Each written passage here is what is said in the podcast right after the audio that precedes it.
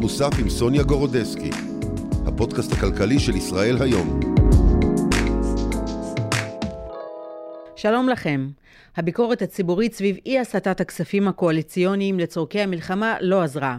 והנה תקציב המדינה המתוקן לשנת 2023 צפוי להיות מאושר השבוע בכנסת. אז הכספים הקואליציוניים כמעט ולא קוצצו, אבל התקציבים של משרדי ממשלה רבים דווקא כן. כך למשל התקציב של משרד הכלכלה שספג קיצוץ של חצי מיליארד שקל. רק נזכיר שזהו משרד שאחראי בין היתר על תחום התעשייה והעסקים הקטנים.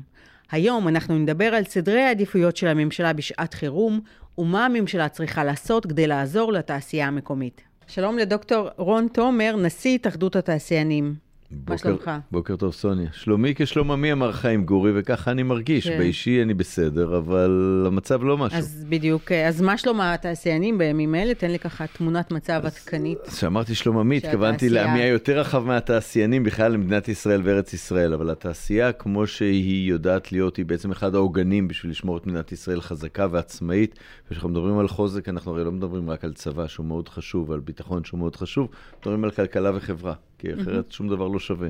והתעשייה באמת אמורה לעמוד שם. המצב של התעשייה הוא מתנדנד, יש לנו... אה, קשיים לא מעטים אה, בכל מיני מקומות שאני אולי תכף אפרט, ו- ויש לנו איומים כתוצאה משינויי שוק, שחלקם קשורים במיתון העולמי, חלקם קשורים בלחימה, וגם ברגע שמתחילים להיות כאלה זמנים מורכבים, אז גם יש שונות מאוד גדולה. כן. יש גם, יש מפעלים שעדיין לא חזרו לעבוד בתפוקה מאוד, מלאה. מעט מאוד. זה אולי במעט מהיישובים והקיבוצים שממש צמודים לגדר בדרום, וטיפה בצפון שאולי עכשיו בזה, אבל, אבל אפשר לספור אותם על כף יד אחת, בלי לציין את אז. רוב המפעלים בעצם עובדים בתפוקה מלאה כרגע. רוב, לא, רוב המפעלים עובדים. לא עובדים. בתקופה מלאה, לא בתפוקה מלאה, סליחה, משתי סיבות. סיבה אחת זה עובדים. נכנסנו למשבר הזה בבעיה של עובדים. מחסור, אפשר להתווכח על הסכום, אבל בערך 15 אלף עובדים מתוך החצי מיליון של התעשייה, אבל הם קריטיים, כי זה 15 אלף עובדים לעבודות מאוד קריטיות שישראלים לא רוצים לעבוד בהם ברובם, שזה או אנשי מקצוע ברמה של ריתוך, תפסנות וכך הלאה, או עובדים פשוטים כידיים פשוטות. ותזכרי שאם קצה אחד של הקו לא עובד, כל המערכת לא עובדת. לכן כשהם חסרים התפוקה יורדת, ואז פרצה המלחמה בעקבות השבת הארורה, ואנשי מילואים, כן. אנשים שלא מגיעים לעבודה כי יש להם ילדים ויש להם כל מיני בעיות אחרות, אה, ועוד אלף ואחד דברים אחרים, כמו למשל פלסטינאים שלא מגיעים כן. כרגע לתוך מדינת ישראל, אלא רק לאזורי תעשייה בהתיישבות. כל הדברים האלה הגדילו, כמעט הכפילו את החוסר. אז כמה עובדים חסר לכם נכון לך? עוד פעם, לעכשיו? קשה לקחת מספר סופר מדויק, אבל ההערכה הגסה היא כ-25 אלף עובדים. 25 אלף כן, עובדים. וזה דרמטי, כי זה עוד פעם, זה עובדים על הקווים יש של הייצור. צפי הם צפו- מתי הם אמורים להגיע? לא, אל, אלה שהיו חסרים קודם, תכף נדבר על הפתרונות, עד שהממשלה לא תעשה דברים אקטיביים לפתור את זה, הם לא יגיעו. אנחנו לא יודעים לייצר אנשים, אנחנו יודעים לייצר מוצרים. אלה הפלסטינאים זו שאלה טובה. מצד אחד, אני שומע מהקבינט הביטחוני שיושב על זה, שהסבירות שלפני ינואר-פברואר לא יכניסו אותם. אני גם שומע מלא מעט תעשיינים שהרבה מהעובדים שלהם, אחרי הטראומה של השבת הארורה הזאת, אומרים שהם לא מוכנים לעבוד יותר ולא סומכים על פלסטינאים, גם לא על אלה שעבדו איתם הרבה שנים, ובחלק מהמקומות יכול להיות טאבו של העובדים הישראלים נגד עבודה של פלסטינאים, מה שידרוש גם כן לייצר אלטרנטיבות. all in all אנחנו באירוע תעסוקתי גדול, ו...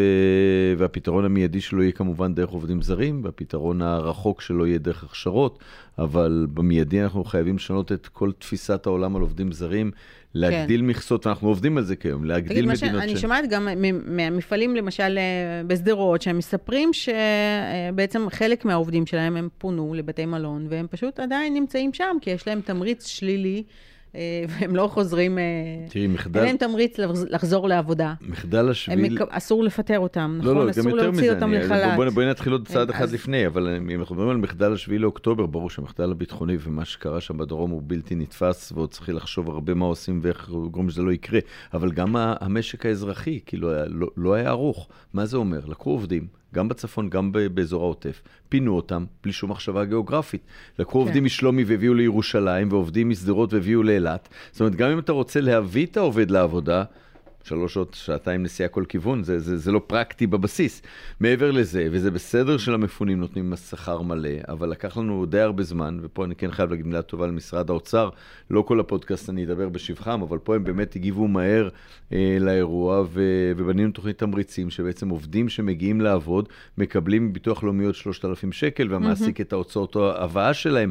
למה זה חשוב? כי היום לעובד שמפונה אין אינסנטיב, תמריץ לחזור לעבוד. איך הם מקבלים את זה? הם צריכים להגיש המעב... בקשה? המעביד, המעביד מדווח לביטוח לאומי שעובד הגיע לעבודה ושהוא עובד, יש שם מינימום, אם לא טועה, של 11, או לא, אל תפסי אותי למספר מדויק, mm-hmm. ימים של עבודה, ואז הביטוח הלאומי משלם ישירות לעובד כלומר, הם אפילו לא חייבים לחזור uh, לעבוד במשרה מלאה. מסיבה אחת, אנחנו ביקשנו את זה כי רצינו שיחזרו משרה מלאה, אבל עדיין שאתה צריך לקחת עובד למשל מים המלח, להביא אותו לשדרות, כן, תאמין שלא כל יום מתאפשר. גם אני, כן. אני אגיד עוד דבר, בוא, אנחנו בסוף גם בהחלט חומלים על העובדים שלנו שהם קרובים בוודאי. לנו מאוד, חלקם עברו, עברו טראומה מאוד גדולה, ואנחנו לא, לא רוצים, טוב, זה לא שעשינו סוויץ' היום שאחרי בואו תעבדו מלא, ברור לי שהם צריכים שיקום והם צריכים טיפולים, לכן אנחנו רוצים להיות גמישים איתם ולתת להם את התמיכה המקסימלית, ולכן גם הגמישות הזאת הייתה מאוד חשובה, שזה הוא לא יידרש עובד לבוא 30 יום, כי אם הוא צריך טיפולים פסיכולוגיים, אם המשפחה לא כל יום קל לעזוב אותה, עוד אלף אחד דברים אחרים, נכון. שיהיה לו כן את האפשרות. ויש כבר היענות לקבלת כן, כן המענק כן, הזה? המענק, המענק הזה, למרות התחילה. שלמעשה עבר סופית רק ביום חמישי האחרון, ויצא לפועל רק השבוע, אבל כבר הודענו עליו, וגם שר האוצר הודיע עליו, ולכן mm-hmm, העובדים. יודו שהולכים לקבל, הוא בהחלט עשה שינוי. אוקיי, okay. בואו נדבר על uh, התקציב המתוקן לשנת 202023, אני ציינתי... אי אפשר לקרוא לו מתוקן, צריך לקרוא לו מקולקל, כי... תקציב המלחמה, מה שנקרא. שינו אותו, אבל לא שיפרו אותו. כן, אני ציינתי גם בפתיח אה, שבעצם כל תקציב הוא מצביע על סדרי העדיפויות של הממשלה, וכאן אנחנו מדברים על שעת חירום. אה, למה לדעתך שר הכלכלה ניר ברקת הצביע נגד התקציב? האם זה מוצדק לדעתך? אני שואלת כי הרי זה ברור שלמשק במלחמה יש צרכים מיוחדים, וכולם צריכים להדק חגורות, כולל התעשייה. אז קיצצו לו את התקציב בחצי מיליארד שקל. אז בואי, לפני שנצלול לעומק, נשנה שתי הגדרות. קודם כל, זה לא תקציב מתוקן, כמו שאמרתי, זה תקציב מקולקל. והשאלה היא למה ניר ברקת הצביע נגד, או אופיר אקוניס נמנע, היא לא השאלה הנכונה. השאלה היא למה... עשרות שרים, שחלקם, צר לי להגיד, בקושי תורמים משהו ביום-יום, הצביעו בעד. כי זה תקציב שבעצם, הרי אנחנו גומרים את המלחמה הזו כשנגמור אותה בגירעון גדול. ותקציב הביטחון יצטרך לבוא ולתת לא מעט כסף מקובל בהחלט, גם הקופסאות שנתנו עכשיו למערכת הביטחון חשובים ויצטרכו להגדיל אותם אף יותר. אבל איפה הצמיחה? סוניה, גירעון גדול לא מבהיל אותי, כי באירועים גדולים צריך לפעמים יד פתוחה וגירעון גדול.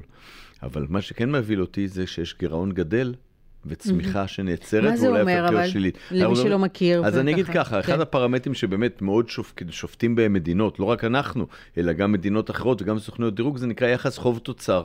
זה אומר מה היחס בין החוב שלך לתוצר שלך. כי אם יש לך חוב גדול, אבל התוצר שהוא במכנה גדל גם כן כל הזמן, אז הסבירות שלך להחזיר את ההלוואה, את החוב גדלה יותר, כן. זה כמו משק בית. אם יש, אתה לקחת אוברדרפט גדול, אבל השכר שלך הולך ועולה כל הזמן, אז לא נורא אוברדרפט, אתה תסגור אותו.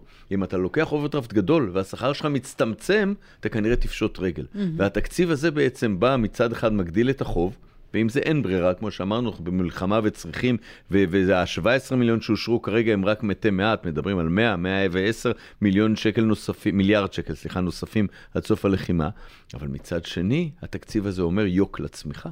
Mm-hmm. התקציב הזה אומר בעצם שאנחנו עם אותו אוברדרפט גדול נוריד את ההכנסה של המדינה mm-hmm. ונוריד את הצמיחה של המשק, הרבה פחות מהצמיחה של האוכלוסין.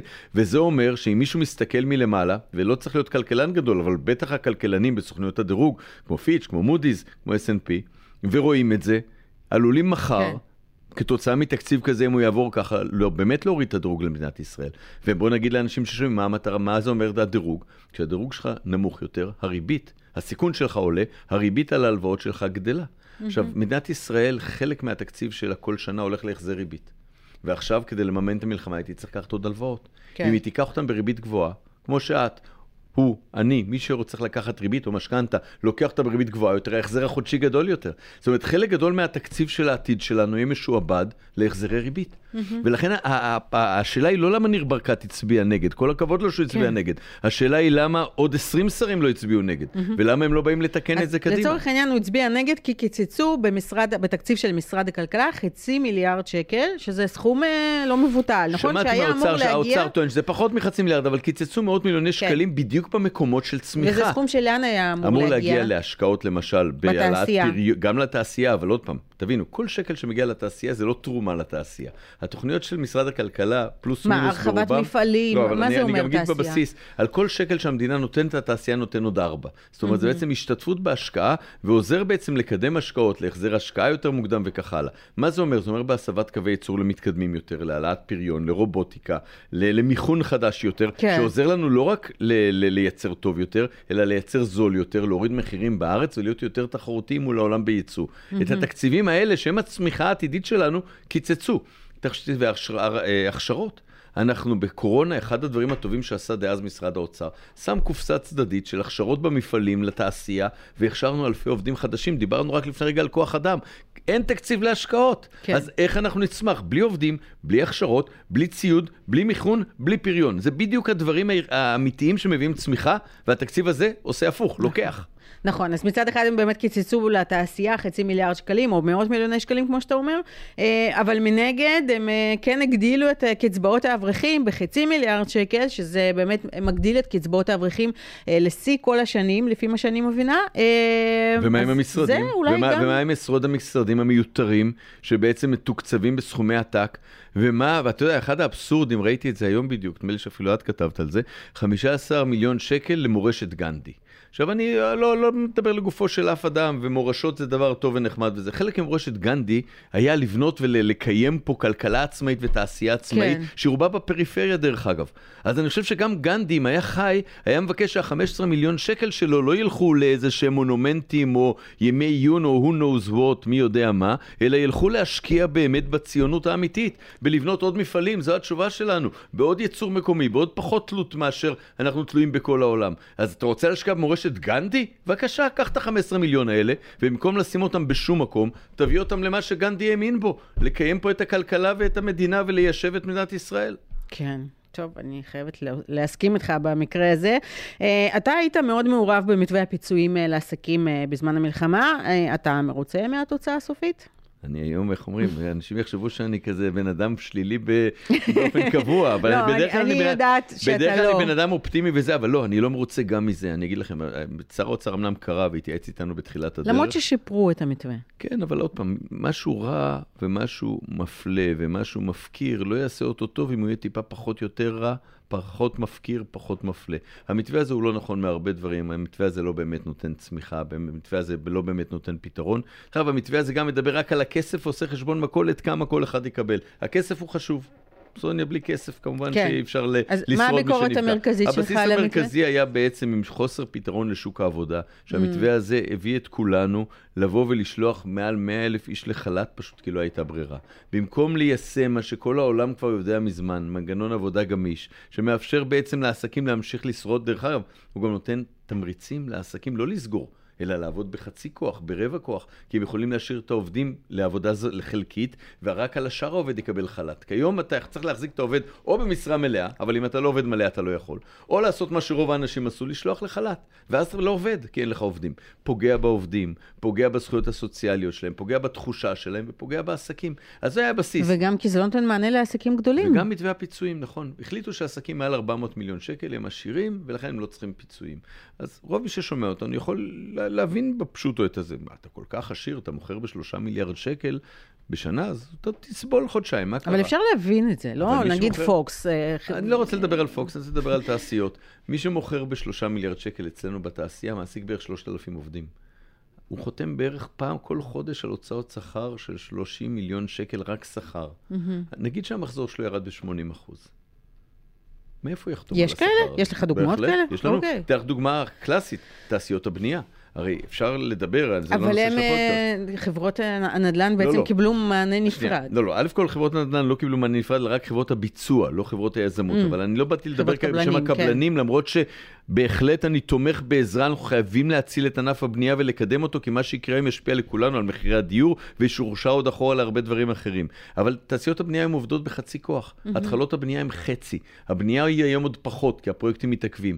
מה עושות תעשיות הבנייה? מי שמספק מלט. קירות כן. גבס, צבעים, כשהאתרים לא עובדים, גם הם לא עובדים. עכשיו, אם תשתיות. הקבלנים לא עובדים למשל, כן? אז חברה שמייצרת לוחות גבס למשל, לא תספק כרגע. המחזור שלה יורד, אבל אם יש לה אלף עובדים, אז מה היא תעשה עם העובדים? כן. ואני רוצה להגן על העובדים, ואני רוצה להגן על הכשירות שלהם, אני רוצה להגן על הכל, והמתווה לא היה נכון לכן, לא בצורת העבודה הגמישה, לא בזה שהוא הפקיר חברות גדולות. עכשיו, עוד פעם, תזכרו, שחברה גדולה נהיית ענייה, או נהיית קצרה בכסף, היא לא רק נאלצת לפגוע לצערנו בעובדים שלה כדי לשרוד, היא גם משלמת באיחור לספקים שלה. כן. ומי זה הספקים שלה? חברות קטנות בינוניות, זה עצמאים שנותנים להם שירותים. אנחנו הרי מאכילים על כל עובד אצלנו ישיר, אנחנו מאכילים על שלושה עובדים אחרים דרך אותו שרשור. אז פגעת בהם, במי פגעת? פגעת בכולם, ולכן הכל נעשה בראייה צרה, בלי אסטרטגיה, בלי הבנה לצערי, ו... ו... ואני רק יכול להצר על זה, אני מקווה שהמלחמה לא תהיה ארוכה, כי אם זה יישאר המצב עם מלחמה ארוכה, אוי לנו ואבוי לנו. טוב, אני גם מקווה. אה, בלי בוא- קשר, אני מקווה שהיא תיגמר בניצחון ומהר. אז אחרי שכאן אה, דיברנו, העברנו הרבה ביקורת על הצעדים של הממשלה, בואו באמת ננסה גם אה, לתת איזה שהם פתרונות.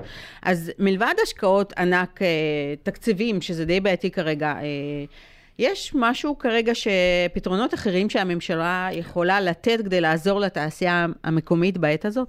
לתעשייה, דרך אגב, תמיד כשאומרים לעזור לתעשייה, זה לא רק לתעשייה. כשלתעשייה טוב, לכלכלה טוב. אנחנו רואים את זה תמיד. כשתעשייה צומחת, הכלכלה צומחת. ו- ולכן זה מאוד חשוב לדעת. כן, קודם כל, למשל, אני יודעת שפניתם כן, כן, לשר האוצר, נכון? לראש ו- הממשלה לראש פנינו ולשר האוצר, שר הכלכלה, לגבי נושא של עידוד כן. תוצרת הארץ. אנחנו הולכים היום לשקם את ישראל. תקום למשל אותה אה, אה, קבוצת תקומה, שבמינהלת תקומה, שבעצם תשקיע מיליארדים בבניית הדרום מחדש, ויהיו עוד הרבה השקעות אחרות, גם השקעות ביטחוניות. ו- ואני אומר דבר ראשון, חבר'ה, אנחנו רואים עכשיו מה שווים החברים שלנו בחו"ל. מה הידיד הטורקי שלנו, שהיום מוכר לנו כל כך הרבה מוצרים בשביל להגן על הכלכלה שלו, כמה הוא ידיד באמת. אני אומר כמובן ידיד במרכאות כפולות מכופלות, זה פוד פודקאסט, אז uh, מי שרואה אני אעשה לו את הידיד עם הידיים, אבל מי ששומע. ואנחנו לא יכולים להיות אלה שמצילים כלכלות אחרות ולא שלנו. אנחנו חייבים לשקם את ישראל באמצעות הישראלים. אנחנו חייבים לשקם את הדרום באמצעות קנייה. מה זה אומר בפועל? מה בפועל אתה זה אומר מציע? מוצרים, אני אתן לך דוגמה, כן? אנחנו צריכים לקנות מלט ישראלי, ואנחנו צריכים לקנות uh, צבעים ישראלים, ואנחנו צריכים לקנות כבלים לחשמל ישראלים, ואנחנו צריכים לקנות עוד הרבה דברים אחרים ישראלים, לא רק בתחום הבנייה, כדי אחד, להצמיח את הכלכלה, כי כל שקל שנשאר בארץ, הוא גם משלם מיסים יותר, הוא גם נותן תעסוקה יותר, והוא גם נותן עתיד יותר, כי מרחיבים מפעלים וכך הלאה, והוא גם ברובו בפריפריה. זאת אומרת, פנינו לראש הממשלה בדרישה להכריז את המובן מאליו, שבעצם מדינת ישראל בעדיפות תקנה ישראלי, במיוחד שבחלק מהדברים העיקריים ל- לתקומה, אנחנו היום משתמשים, הספק הכי גדול שלנו, בנוסף לישראלים, זה הטורקים, ואני באמת, יש לי הרבה מה להגיד על הטורקים, לא על העם, על המנהיגים שלהם, אבל אני באמת חושב שזה יהיה בושה למדינת ישראל, אם אנחנו נשקם את מדינת ישראל במוצרים הטורקיים. ונצמיח כן. את כלכלת טורקיה בו זמנית. זה יהיה. אבסורד, אבל עם כל האבסורדים שראיתם לאחרונה, הכל, הכל, הכל, הכל, הכל יכול להיות. ולכן קראנו עכשיו, ואנחנו נמשיך לקרוא גם פומבית. פה אני חייב להגיד מילה טובה למשרד הביטחון.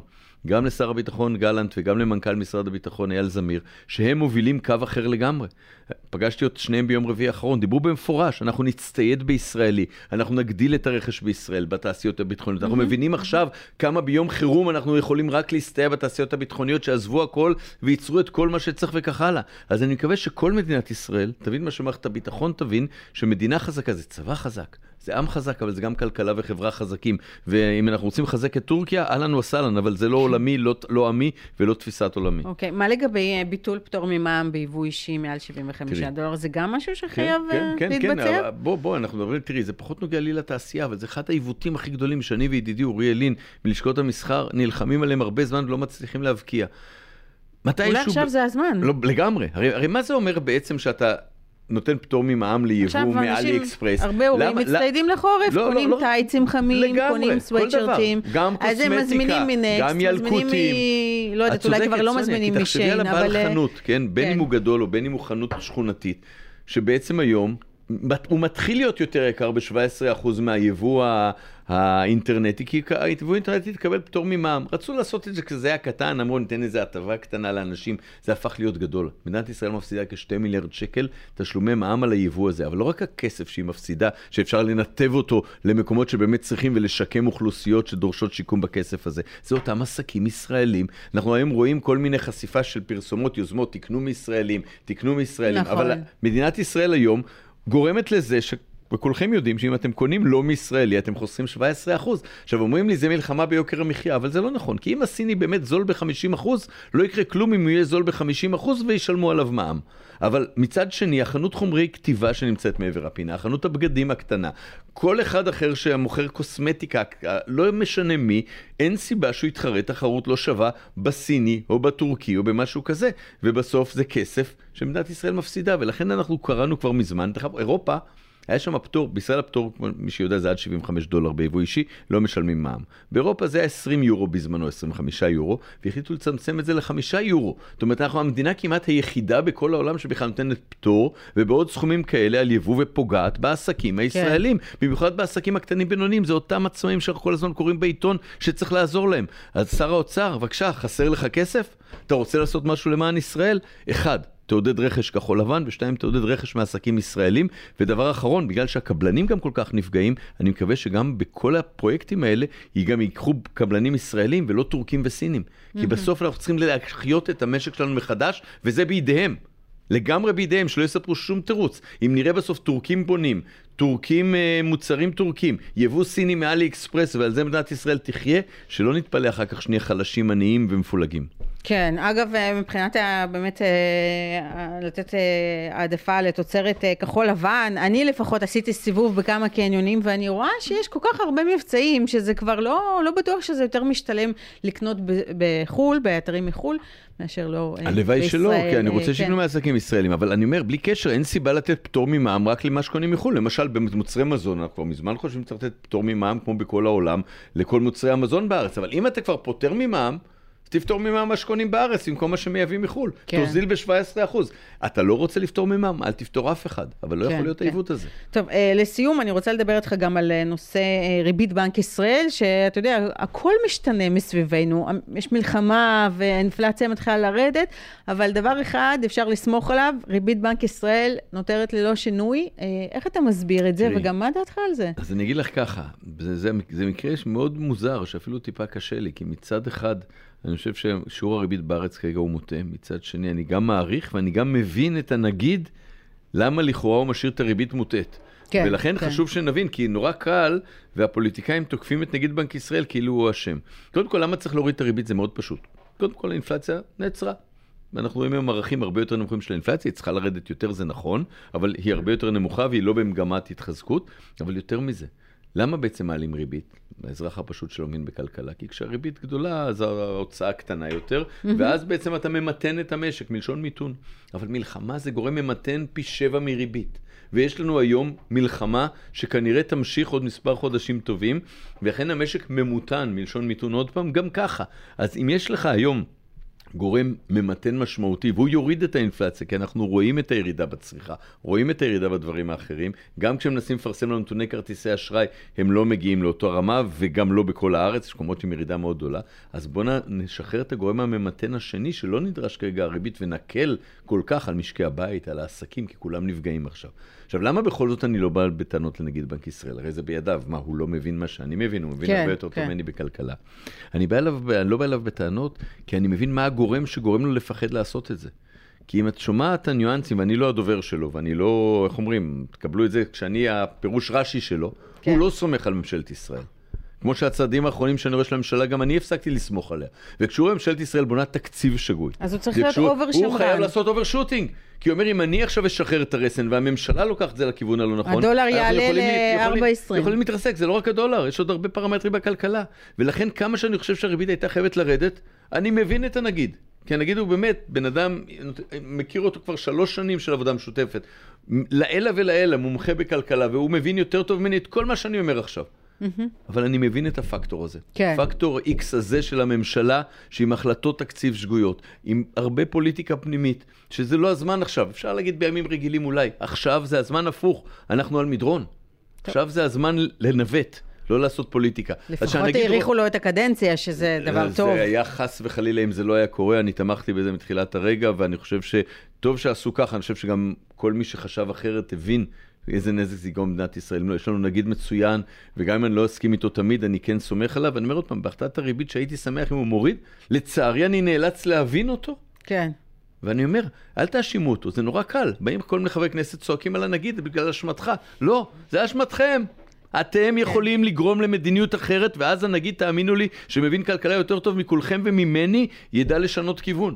אבל אם אתם לא משנים כיוון, אל תבואו אליו בטענות ותעשו אותו שעיר לעזאזל. ולכן אני אומר עוד פעם, זה הזמן, סוניה, לשדד מערכות מחדש, לעשות תקציב לא מקולקל, אלא תקציב אמיתי, לשנות סדרי עדיפויות. כולם ביחד. דרך אגב, אני לא רוצה לפגוע בשכבות, לא רוצה לפגוע בחרדים, לא רוצה לפגוע במתיישבים. צריך לדעת, ואפשר למת... לעשות שיהיה לכולם, אבל בהיגיון. בהיגיון, במתינות, במקום שאנחנו מביאים לקראת איפה אנחנו הולכים. כי אם בסוף מישהו יקבל היום שקל יותר, אבל המדינה תקרוס והכלכלה תקרוס, גם השקל שלו לא ישווה כלום. אז מה עשינו בזה? ולכן, אם יתגייסו כולם ביחד, אפשר לקחת את זה לכיוון אחר. לצערי, היום זה לא נראה ככה. טוב, אה, דוקטור רון תומר, נשיא התאחדות התעשיינים, שמחתי מאוד לדבר איתך היום. תודה, סוניה, שנדע ימים טובים יותר, ואנחנו כן. בטוח שננצח את האויב המר מעבר הגבול, אבל בואו נהיה גם חזקים מבפנים ונעשה את הדברים כן. הנכונים. ותודה רבה לכם שהייתם איתנו, אנחנו נתראה בפרק הבא של ערך מוסף.